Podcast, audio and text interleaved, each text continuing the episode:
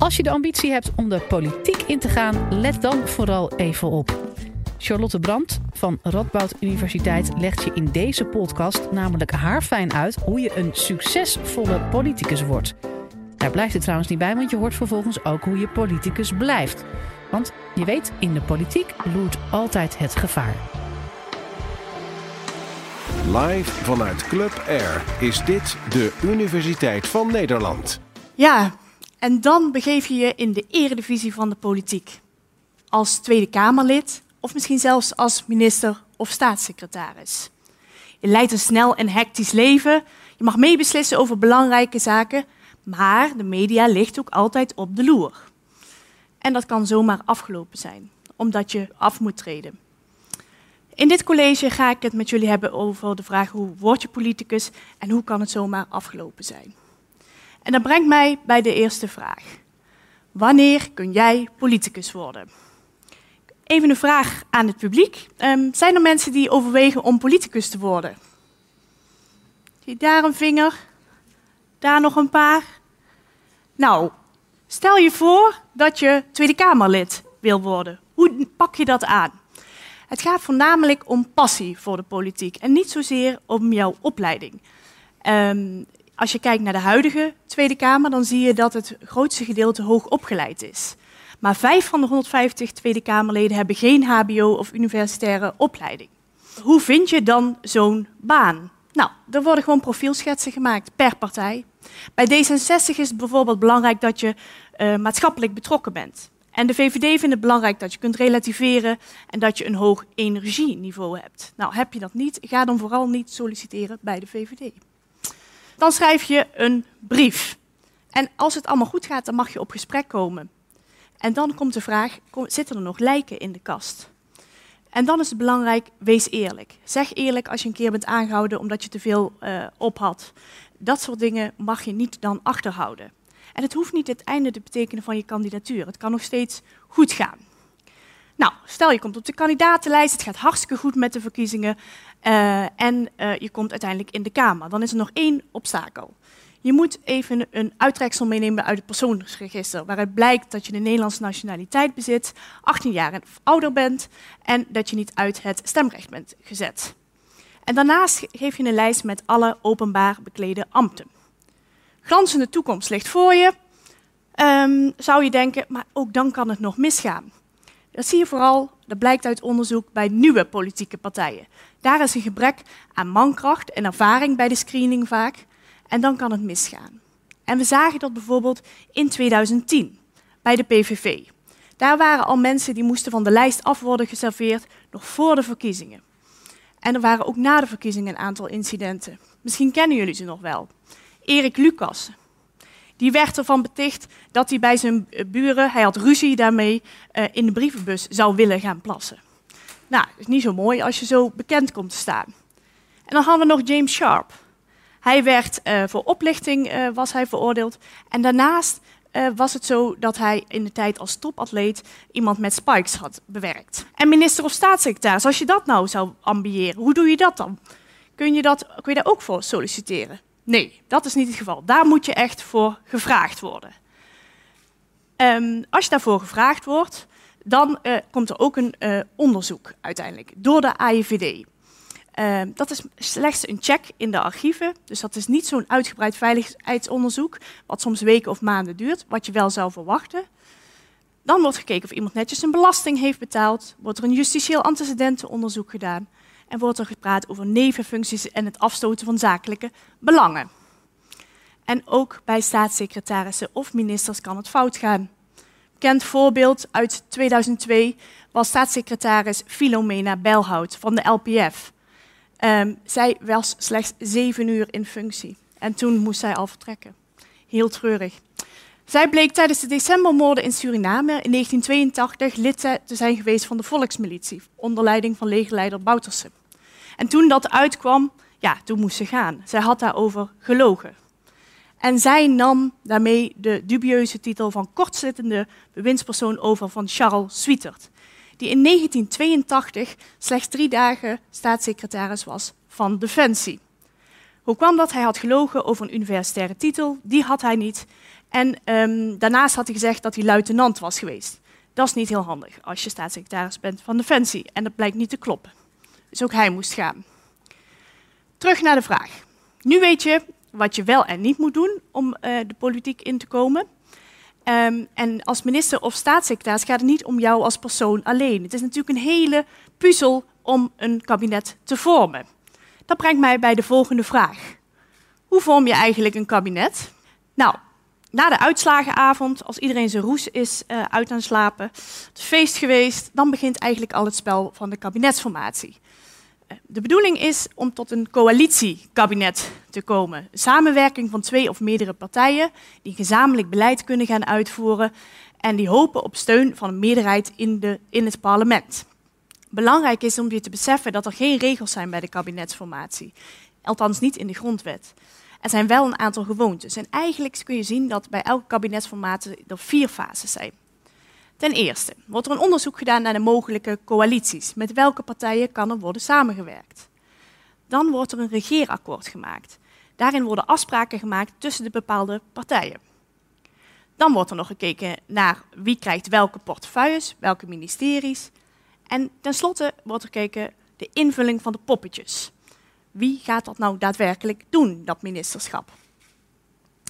Sinds 2012 ligt het initiatief voor de kabinetsformatie bij de Tweede Kamer. En na de uh, uitslagenavond komt de, komt de Kamervoorzitter samen met de nieuwe fractievoorzitters bij elkaar. En dan gaan zij bespreken of er een debat moet komen over de uitslagen. En of er een informateur al benoemd kan worden. Of dat er eerst uh, over gesproken wordt met de Kamer.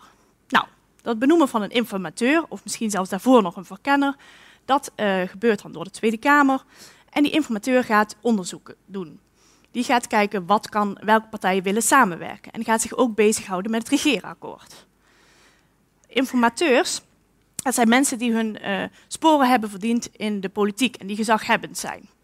Nou, als dat regeerakkoord dan klaar is, dan is het de beurt aan de formateur. Die vormt echt het kabinet en die verdeelt de posten. En dan kan de, naar de invulling van de poppetjes worden gekeken. Als je kijkt naar de gemiddelde duur van een kabinetsformatie in Nederland tussen 1977 en 2012 was dat 95 dagen. In 1948 was de kortste kabinetsformatie met 31 dagen en in 1977 duurde het maar liefst 208 dagen, bijna zeven maanden. Nou, wat was dat voor kabinet? Dat was het kabinet van 8-1. Joop den L, die had uh, de verkiezingen gewonnen en die dacht, nou, mijn tweede kabinet komt er zeker aan. Maar hij moest gaan onderhandelen met Dries van Acht van CDA. En die twee die lagen elkaar helemaal niet. En dat ging helemaal mis. Dus dat kabinet kwam er nooit. Um, Dries van Acht ging uiteindelijk samenwerken met Hans Wiegel van de VVD. En zij kwamen eruit en toen kwam er een kabinet. Het kabinet van 8-1. Het duurt lang in Nederland. Dat is ook vaak een klacht van mensen. Maar waarom is dat dan zo? Nou, er zijn dus geen regels, zoals ik eerder al zei. En daarnaast is het zo dat natuurlijk heel veel oneenigheid was tijdens de verkiezingscampagne. En die moet nou overbrugd worden. Daarnaast zijn er heel veel partijen die mee willen doen met een nieuw kabinet. En zijn er heel veel mogelijkheden. En ook is het zo dat er geen coalitievoorkeur wordt uitgesproken door de partijen tijdens de campagne. Dat doen ze bijvoorbeeld wel in Duitsland dat vormen van een kabinet, daar moet je echt schaken met posten. En uh, je kunt je voorstellen dat elke partij wil de belangrijkste posten. Minister-president gaat meestal naar de grootste partij. Dan heb je nog het uh, uh, ministerie van Financiën is heel belangrijk, omdat je dan gaat over de budgetten en de verdeling daarvan. Buitenlandse zaken heeft veel prestige. En ook ministeries in de financieel-economische hoek. Sinds 1948 hebben we ook staatssecretarissen in Nederland. En die kwamen er eigenlijk om de ministers te ontlasten. En sinds de jaren 60 zijn zij eigenlijk een pion om in dat evenwicht in dat kabinet te verkrijgen. Je ziet ook vaak dat er een minister van de ene partij en een staatssecretaris van een andere partij is. Nou, als dat allemaal is ingevuld, dan kunnen we ons klaar gaan maken voor de beëdiging. En die is sinds 2012 in het openbaar. En dan zien wij iedereen die staat daar en die legt de eed of de belofte af. Nou, als dat klaar is, dan gaan we door naar de Baudet-foto. Dan hebben we een kabinet, maar dat is nog geen garantie voor succes. Het kan nog steeds zijn dat niet iedereen de finish haalt. En dat roept dan ook de volgende vraag op. Waarom redt de ene minister het wel en waarom de andere niet. Politiek is een hondenbaan, maar wel een mooie hondenbaan. Dat zei oud-minister André Rauwvoet. Um, je kunt je voorstellen, het is een heel zwaar beroep. Je bent veel van huis, ziet je familie en vrienden weinig, hebt altijd die grote, zware loodgieterstassen vol met stukken. Je wordt geleefd. En net als bij elke andere baan kan het dan misgaan. Alleen sta je nu meteen in de spotlight.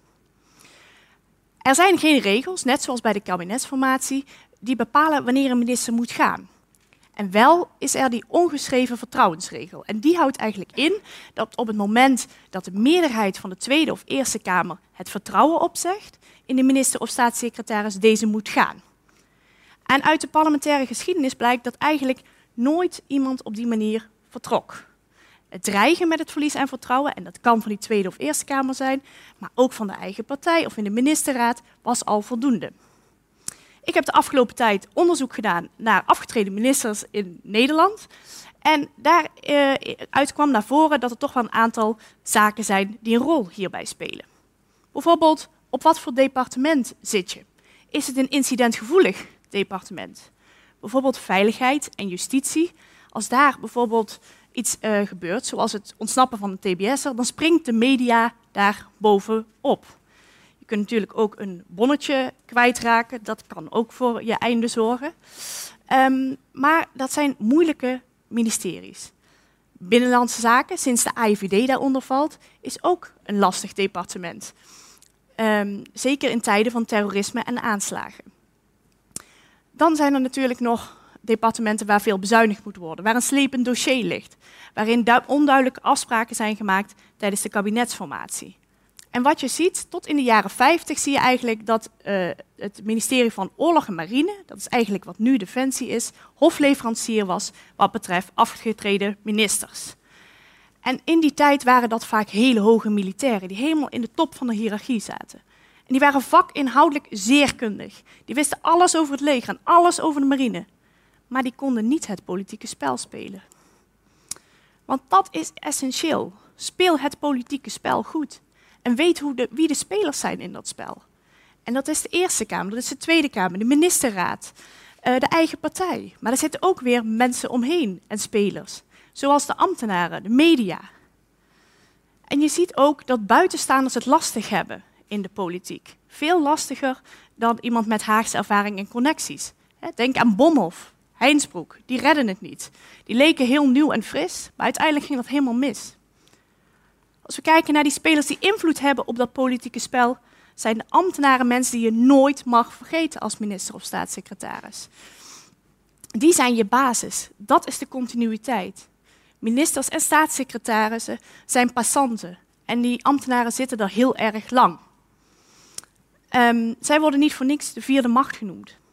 In 1919 was er ook een minister, Bijleveld van Marine, die het niet redde. Want zijn ambtenaren had hij zo tegen zich in het harnas gejaagd dat die echt uh, zo kwaad werden dat ze allemaal informatie lekten naar de pers. En uiteindelijk zorgde dat er mede voor dat, een, uh, dat hij vertrekken moest. Media, dat is ook natuurlijk een heel erg belangrijk uh, speler. En de hoeveelheid en de omloopsnelheid is in de loop der tijd natuurlijk heel erg groot geworden. En laten we even stilstaan bij 2008. Een filmpje van minister Ella Vogelaar. Met geen stijl. En wat we zien is eigenlijk heel schrijnend, heel erg treurig. Want de minister is lange tijd stil, zegt niks. En het is heel slecht voor haar imago. En dit filmpje werd duizenden keren bekeken. Maar ook in 1966 was de pers al actief.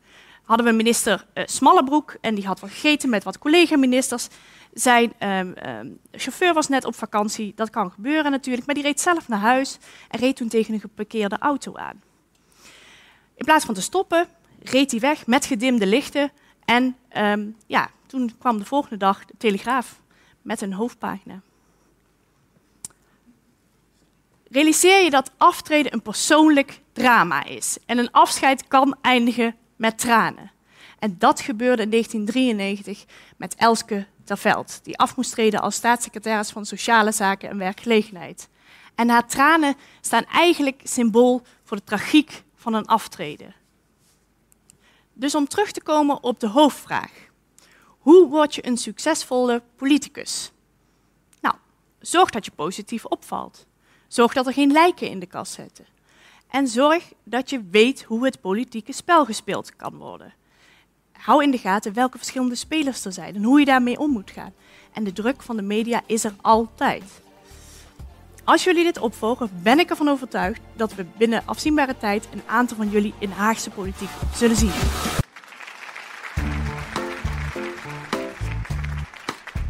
Dit was de Universiteit van Nederland. Wil je nou nog meer horen, bijvoorbeeld over de vraag waarom zoveel millennials kampen met een burn-out? Of hoe je een oogbal kunt bioprinten? Check de hele playlist.